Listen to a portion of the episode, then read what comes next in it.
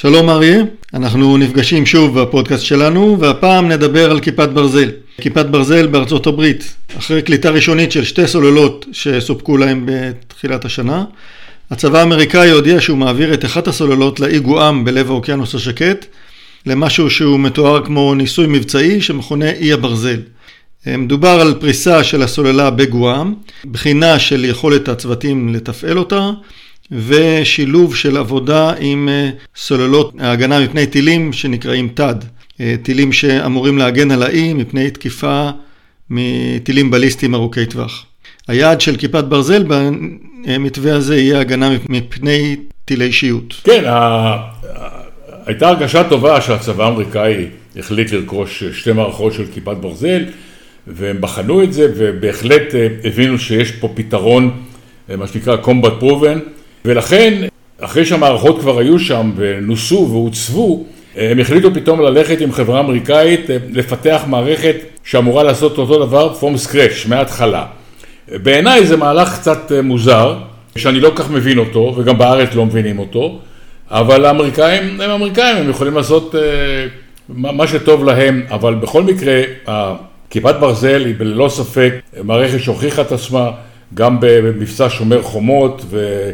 גם במקומות אחרים, מערכת שעושה את העבודה. במבצע האחרון אה, ירו הרבה אה, טילי תמיר, מיירטי תמיר, ולכן ישראל ביקשה מאמריקה תקציב כדי לחדש את המלאי. בכל מקרה, זאת מערכת טובה, ולפי דעתי אנחנו נמצא אותה בקרוב בעוד מדינות בעולם. הרכש האמריקאי, כפי שאמרת, הוא תמוה, אבל צריך להסתכל על השורשים שלו. בעצם רכישת הסוללות שסופקו לארה"ב הייתה בלחץ של הקונגרס. הקונגרס שם את הכסף ואמר לצבא, אתם תקנו את הסוללות האלה.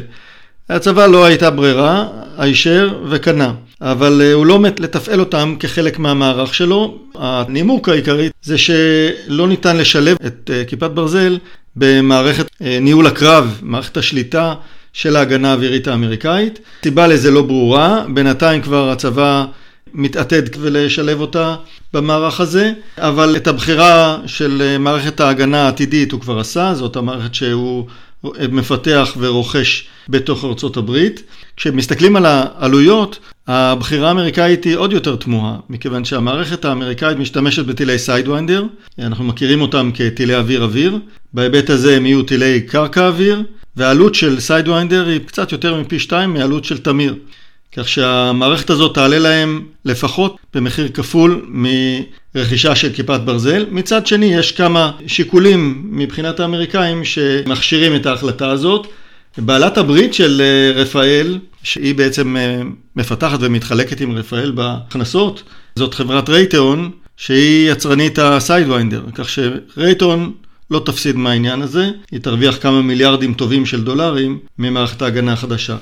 מה בכל זאת יעשו עם הכיפת ברזל? מי שהתעניין במערכת זאת אוקראינה. ואוקראינה בינתיים לא נמצאת על מפת הייצוא של התעשיות הביטחוניות הישראליות. במידה והאמריקאים כן יחליטו להעביר אליה סוללה, זה יכול להיות נתיב עקיף לבעיות שאנחנו חווים כאן. כן, אתה העלית את הנימוק אה, שהשמיעו אמריקאים שהמערכת לא יכולה להתממשק עם המערכות אה, שליטה ובקרה לדעתי זה נימוק שאין לו שום בסיס, ניתן היום לחבר כל מערכת לכל מערכת, זה בעיות של תוכנה. האמריקאים החליטו ללכת על מערכת שלהם, כאשר יש להם בעיה אמיתית ומיידית של אה, תקיפות של טילים, כטב"מים, גם בעיראק, גם בסוריה, הותקף השבוע בסיס אמריקאי באלטנף. לכן הנימוק לא מקובל עליי, אבל לפי דעתי, למרות ההחלטה האמריקאית התמוהה למערכת כיפת ברזל, יש אה, שוק פוטנציאלי גדול מאוד בעולם. בהחלט, אנחנו נראה את המערכת הזאת במספר אה, אה, זירות בעתיד, כפי שאמרנו, גם באזור אירו-אסיה. כפי שציינו בפודקאסט קודם, יש גם עניין במזרח התיכון במערכת, וקרוב לוודאי שנראה אותה בעסקאות עתידיות קרובות. עד כאן לפודקאסט שלנו היום, נתראה בפעם הבאה. להתראות תמיר, תודה.